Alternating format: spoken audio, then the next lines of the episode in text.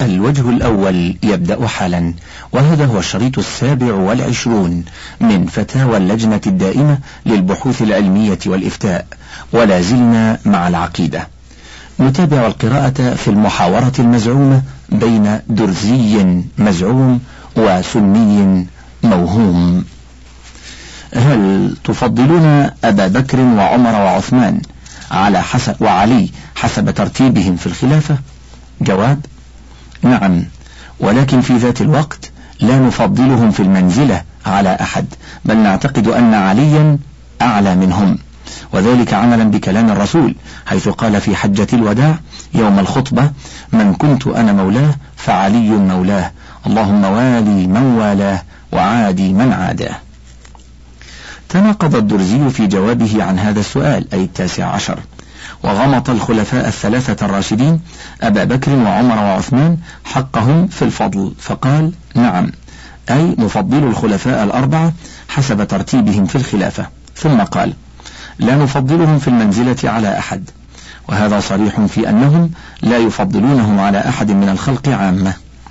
ثم أخبر بأن عليا أعلى منهم رضي الله عنهم أجمعين مع أنه ثبت في الأحاديث الصحيحة أن عليا أخبر أن أبا بكر وعمر أفضل منه رضي الله عنهم. ومع إجماع الأمة على أن أبا بكر وعمر أفضل منه والجمهور على تفضيل عثمان عليه رضي الله عنهم. ثم استدل عليهم بحديث من كنت مولاه فعلي مولاه اللهم والي من والاه وعادي من عاداه. الحديث. فقد أجاب عنه شيخ الإسلام ابن تيمية بما يأتي. وأما قوله من كنت مولاه فعلي مولاه اللهم والي من والاه إلى آخره. فهذا ليس في شيء من الأمهات إلا في الترمذي وليس فيه إلا من كنت مولاه فعلي مولاه. وأما الزيادة فليست في الحديث وسئل عنها الإمام أحمد فقال زيادة كوفية. ولا ريب أنها كذب لوجوه. أحدها أن الحق لا يدور مع معين إلا النبي صلى الله عليه وسلم لأنه لو كان كذلك لوجب اتباعه في كل ما قال. ومعلوم أن عليا ينازعه الصحابة وكذلك ينازعه أتباعه في مسائل. وجد فيها النص يوافق من نازعه كالمتوفى عنها زوجها وهي حامل. وقوله اللهم انصر من نصره إلى آخره خلاف الواقع. قاتل معه أقوام يوم صفين فما انتصروا وأقوام لم يقاتلوا فما خذلوا. كسعد الذي فتح العراق لم يقاتل معه. وكذلك أصحاب معاوية وبني أمية الذين قاتلوه فتحوا كثيرا من بلاد الكفار ونصرهم الله. وكذلك قوله اللهم وال من والاه وعاد من عاداه. مخالف لأصل الإسلام. فإن القرآن قد بين أن المؤمنين إخوة مع قتالهم وبغي بعضهم على بعض. وقوله من كنت مولاه فعلي مولاه. فمن أهل الحديث من طعن فيه كالبخاري وغيره ومنهم من حسنه. فإن كان قاله فلم يرد به ولاية مختصا بها بل ولاية مشتركة وهي ولاية الإيمان التي للمؤمنين والموالاة ضد المعاداة. ولا ريب أنه يجب موالاة المؤمنين على سواهم ففيه رد على النواصب. انتهى كلامه. يتضح مما تقدم أن كل شيء عندكم من الاعتقاد تبنونه على آية كريمة أو على حديث شريف. جواب نحن لا نعمل بالرأي أو القياس ولكن بما أمرنا به. لا عبرة بما جاء في هذا السؤال العشرين وجوابه من الاعتراف بأن الدروز يبنون عقيدتهم إما على آية أو حديث. لما تقدم من أن المناظرة مصطنعة. وعلى تقدير أن لها واقعة فليس كل مناظر من المسلمين يمثل أهل السنة. ودعوى الدرزي أن الدروز لا يعملون بالرأي ولا بالقياس دعوى يكذبها الواقع بشهادته بإلحادهم وعملهم بالهوى. وفيها معاربة وتقية حيث قال ولكن نعمل بما أمرنا به. فبنى الفعل للمجهول حتى يتم له التلبيس في من يكون منه الأمر أهو الحاكم بأمره. وسائر الأئمة المعصومين بزعمهم أم غيرهم ولا غرابة فالتقية شعارهم وهم لا يألون جهدا في استعمالها. وبالله التوفيق وصلى الله على نبينا محمد وآله وصحبه وسلم. تناسخ الأرواح. سؤال. قال لنا أستاذ الفلسفة إن الروح تنتقل من إنسان إلى آخر فهل هذا صحيح؟ وإن كان صحيحا فكيف أن الروح هي التي تعذب وتحاسب؟ وإن انتقلت فيحاسب الإنسان الآخر.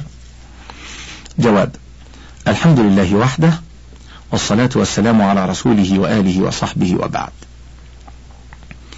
ما ذكره لكم أستاذ الفلسفة من أن الروح تنتقل من إنسان إلى آخر ليس بصحيح. والأصل في ذلك قوله تعالى وإذ أخذ ربك من بني آدم من ظهورهم ذريتهم وأشهدهم على أنفسهم ألست بربكم؟ قالوا بلى شهدنا. قالوا بلى شهدنا أن تقولوا يوم القيامة إنا كنا عن هذا غافلين. وجاء تفسير هذه الآية فيما رواه مالك في موطئه أن عمر بن الخطاب رضي الله عنه سئل عن هذه الآية. وإذ أخذ ربك من بني آدم من ظهورهم ذريتهم وأشهدهم على أنفسهم ألست بربكم قالوا بلى شهدنا أن تقولوا يوم القيامة إنا كنا عن هذا غافلين فقال عمر رضي الله عنه سمعت رسول الله صلى الله عليه وسلم يسأل عنها فقال رسول الله صلى الله عليه وسلم إن الله تعالى خلق آدم ثم مسح ظهره بيمينه فاستخرج منه ذريته. فقال خلقت هؤلاء للجنة وبعمل أهل الجنة يعملون. ثم مسح ظهره فاستخرج منه ذرية فقال خلقت هؤلاء للنار وبعمل أهل النار يعملون. الحديث. قال ابن عبد البر معنى هذا الحديث قد صح عن النبي صلى الله عليه وسلم من وجوه ثابتة كثيرة من حديث عمر بن الخطاب رضي الله عنه وعبد الله بن مسعود وعلي بن أبي طالب وأبي هريرة رضي الله عنهم أجمعين وغيرهم.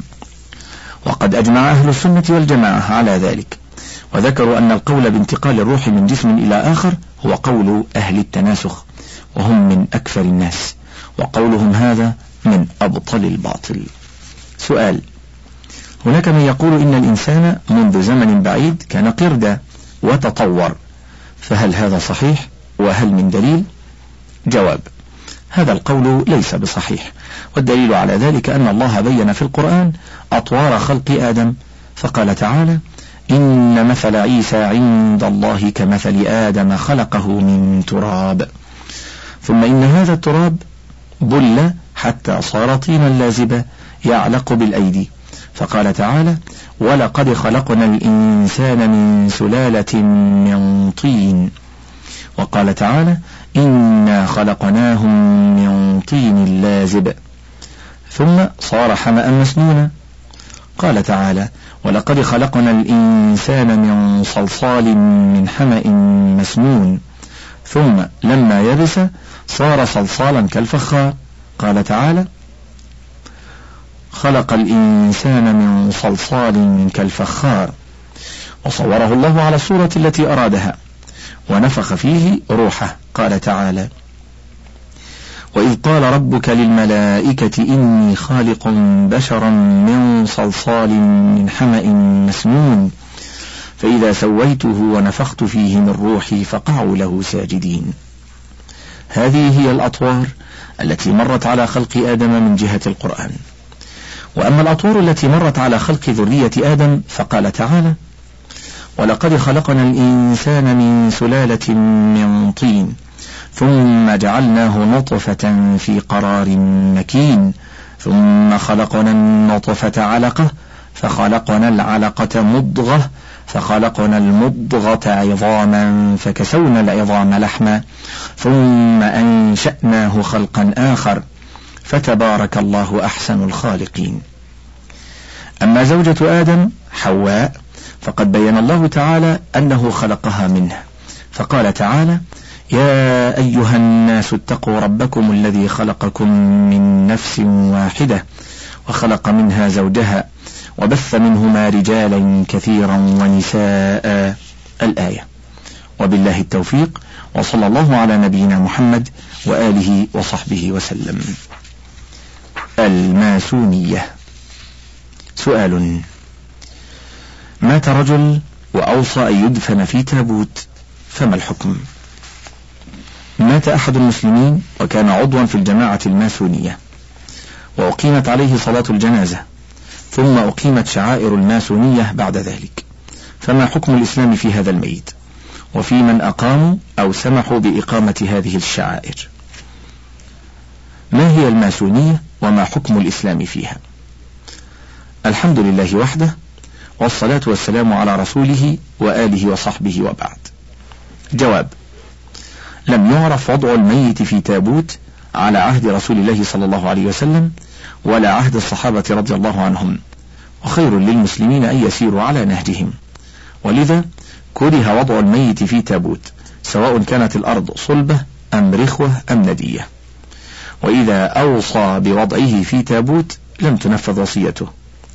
وأجاز ذلك الشافعية إذا كانت الأرض رخوة أو ندية ولا تنفذ وصيته عندهم إلا في مثل هذه الحالة.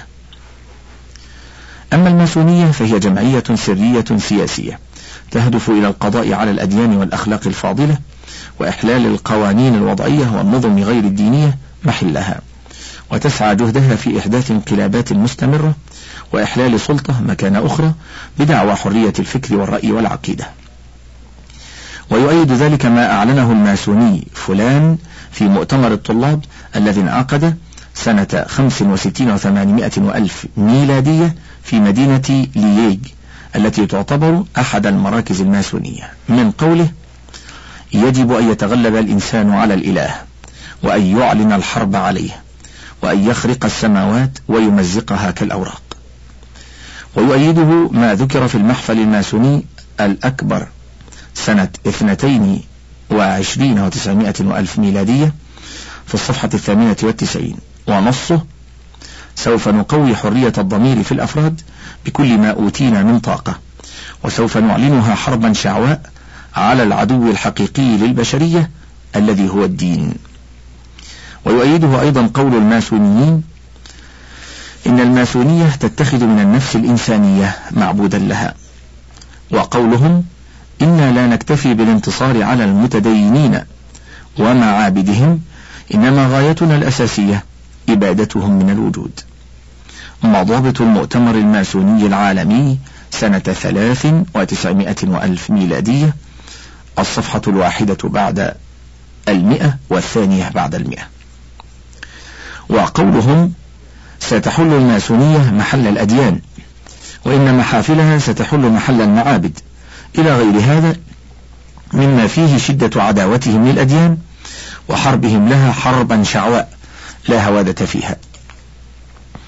والجمعيات الماسونية من أقدم الجمعيات السرية التي لا تزال قائمة ولا يزال منشأها غامضة وغايتها غامضة على كثير من الناس بل لا تزال غامضة على كثير من أعضائها. لإحكام رؤسائها ما بيتوا من مكر سيء وخداع دفين. ولشدة حرصهم على كتمان ما أبرموه من تخطيط وما قصدوا إليه من نتائج وغايات. ولذا يدبر أكثر أمورها شفوية. وإن أريد كتابة فكرة أو إذاعتها عرضت قبل ذلك على الرقابة الماسونية لتقرها أو تمنعها. وقد وضعت أسس الماسونية على نظريات فأخذت من مصادر عدة. أكثرها التقاليد اليهودية. ويؤيد ذلك أن النظم والتعاليم اليهودية هي التي اتخذت أساسا لإنشاء المحفل الأكبر سنة سبع عشرة وسبعمائة وألف ميلادية. ولوضع رسومه ورموزه وأن الماسونيين لا يزالون يقدسون حيرام اليهودي ويقدسون الهيكل والمعبد الذي شيده حتى اتخذوا منه نماذج للمحافل الماسونية في العالم. وأن كبار الأساتذة من اليهود لا يزالون العمود الفقري للماسونية وهم الذين يمثلون الجمعيات اليهودية في المحافل الماسونية. وإليهم يرجع انتشار الماسونية والتعاون بين الماسونيين في العالم. وهم القوة الكامنة وراء الماسونية.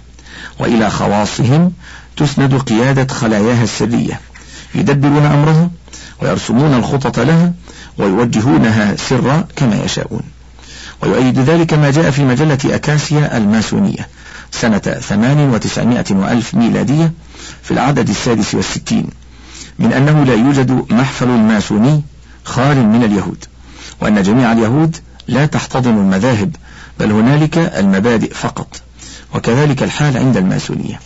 ولهذه العلة تعتبر المعابد اليهودية خليفتنا ولذا نجد بين الماسونيين عددا كبيرا من اليهود. انتهى كلامهم. ويؤيد أيضا ما ذكر في سجلات الماسونية من قولهم لقد تيقن اليهود أن خير وسيلة لهدم الأديان هي الماسونية وأن تاريخ الماسونية يشابه تاريخ اليهود في الاعتقاد وأن شعارهم هو نجمة داود المسدسة.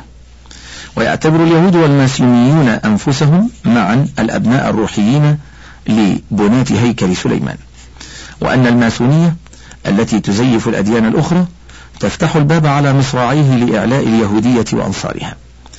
وقد استفاد اليهود من بساطة الشعوب وحسن نيتها فدخلوا في الماسونية واحتلوا فيها المراكز الممتازة وبذلك نفثوا الروح اليهودية في المحافل الماسونية وسخروها لأغراضهم. انتهى كلامه. ومما يدل على شدة حرصهم على سريتها وبذلهم الجهد في كتمان ما يخططون لهدم الأديان وتبييتهم المكر السيء.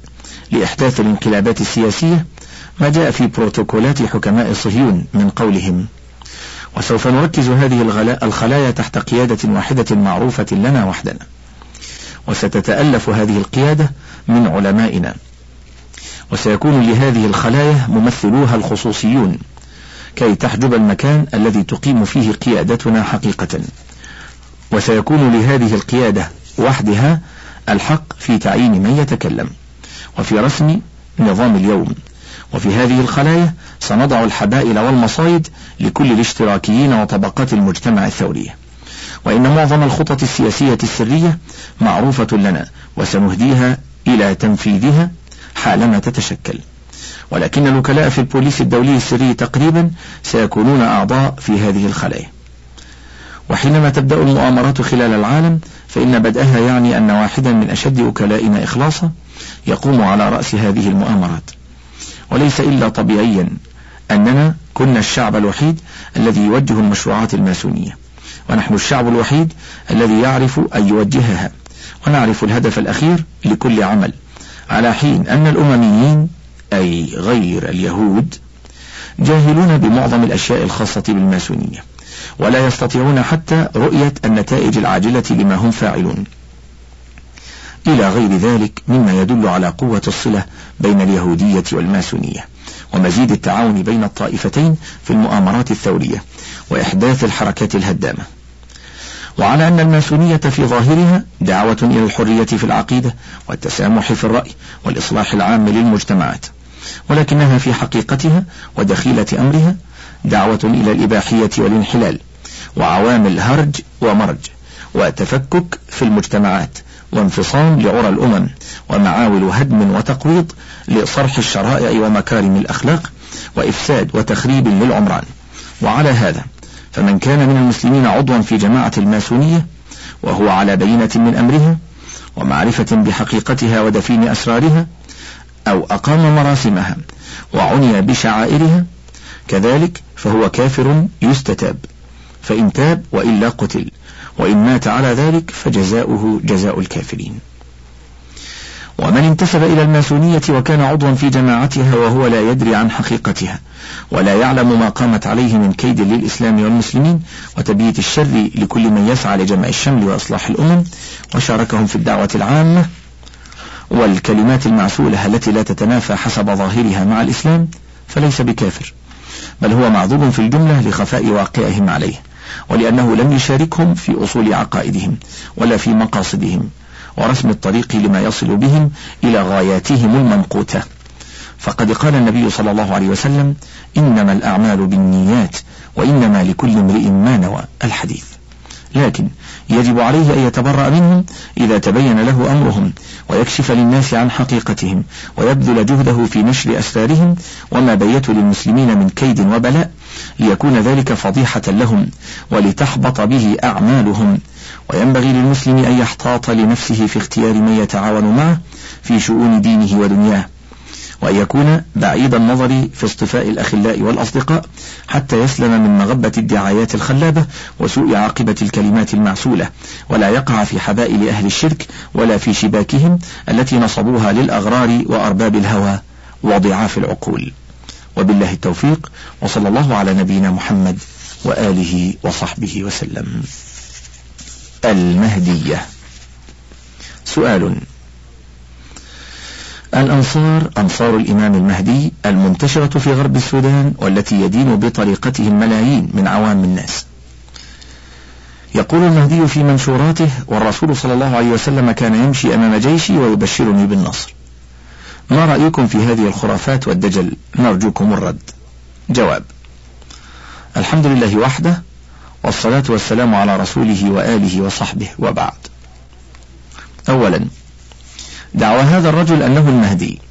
وأن الرسول صلى الله عليه وسلم كان يمشي أمام جيشه ويبشره بالنصر كاذب وزور ومخالفة لشرع الله ولواقع الأمر المتفق عليه بين أهل الملة الإسلامية. لأن الرسول صلى الله عليه وسلم لا يخرج من قبره إلا يوم البعث لقول الله سبحانه ثم إنكم بعد ذلك لميتون ثم إنكم يوم القيامة تبعثون. وقوله سبحانه إنك ميت وإنهم ميتون. ثم إنكم يوم القيامة عند ربكم تختصمون.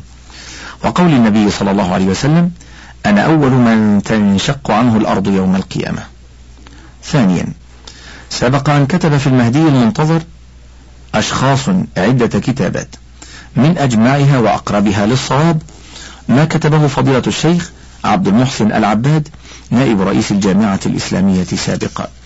وبالله التوفيق وصلى الله على نبينا محمد وآله وصحبه وسلم. البدع. سؤال. اختلف علماؤنا في البدعة فقال بعضهم البدعة منها ما هو حسن ومنها ما هو قبيح. فهل هذا صحيح؟ جواب. الحمد لله وحده والصلاة والسلام على رسوله وآله وصحبه وبعد. البدعة هي كل ما أحدث على غير مثال سابق. ثم منها ما يتعلق بالمعاملات وشؤون الدنيا كاختراع الآلات النقل من طائرات وسيارات وقاطرات وأجهزة الكهرباء وأدوات الطهي والمكيفات التي تستعمل للتدفئة والتبريد وآلات الحرب من قنابل وغواصات ودبابات. إلى غير ذلك مما يرجع إلى مصالح العباد في دنياهم فهذه في نفسها لا حرج فيها ولا إثم في اختراعها أما بالنسبة للمقصد من اختراعها وما تستعمل فيه فإن قصد بها خير واستعين بها فيه فهي خير. وإن قصد بها شر من تخريب وتدمير وإفساد في الأرض واستعين بها في ذلك فهي شر وبلاء. وقد تكون البدعة في الدين عقيدة أو عبادة قولية أو فعلية.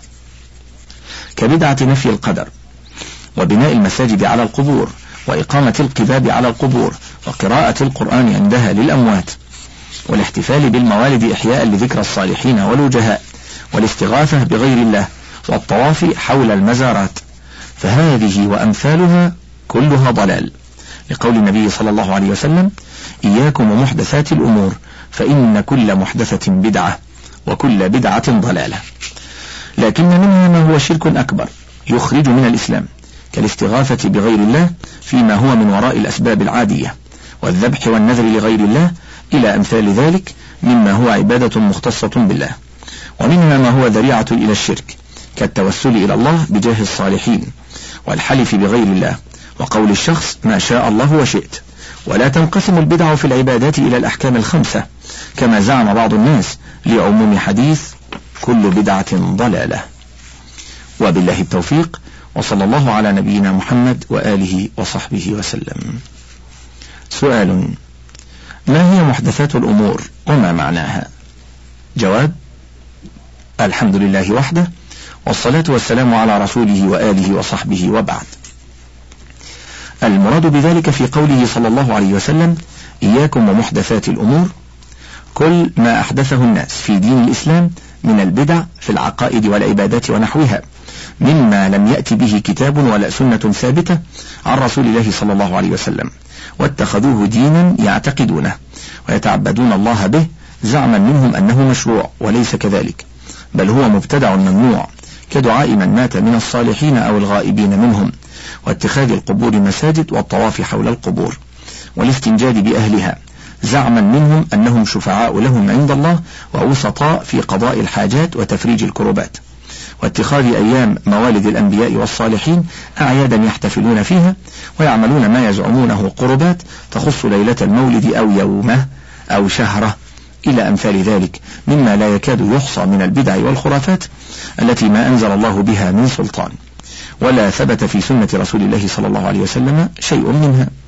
ويتضح مما ذكرنا أن بعض المحدثات يكون شركا كالاستغاثة بالأموات والنذر لهم وأن بعضها يكون بدعة فقط.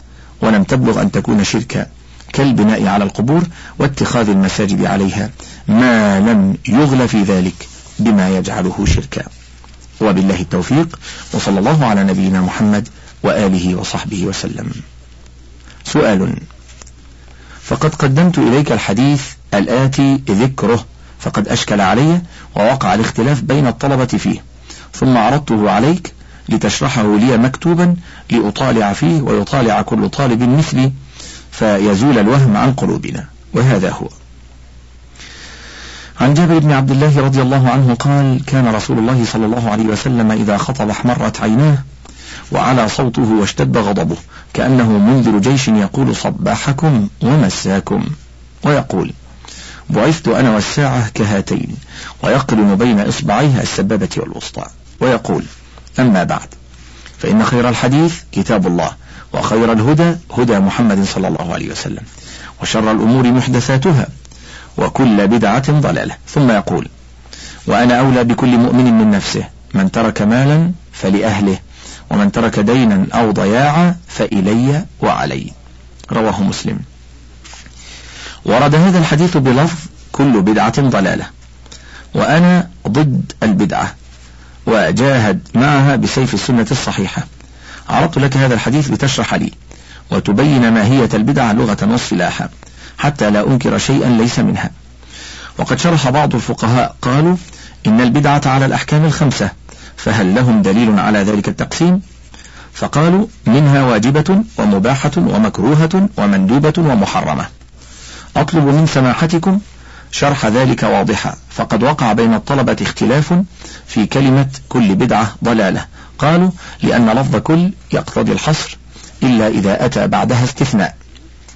وأيضا رويا أبو داود والترمذي بحديث طويل اختصرت بعضه فقال فعليكم بسنتي وسنة الخلفاء الراشدين المهديين عضوا عليها بالنواجذ وإياكم ومحدثات الأمور فإن كل محدثة بدعة.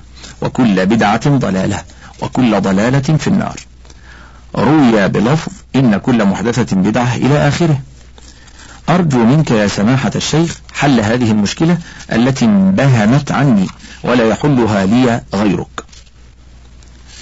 الحمد لله وحده والصلاة والسلام على رسوله وآله وصحبه وبعد. أولا هذه الشريعة كاملة من عند الله فليست بحاجة إلى تكميل من البشر. قال تعالى اليوم أكملت لكم دينكم وأتممت عليكم نعمتي ورضيت لكم الإسلام دينا. ثانيا الأصل في باب العبادات التوقيف. فمن قال إن هذه العبادة مشروعة فعليه أن يأتي بالدليل الشرعي الدال على مشروعيتها وإلا فهي مردودة.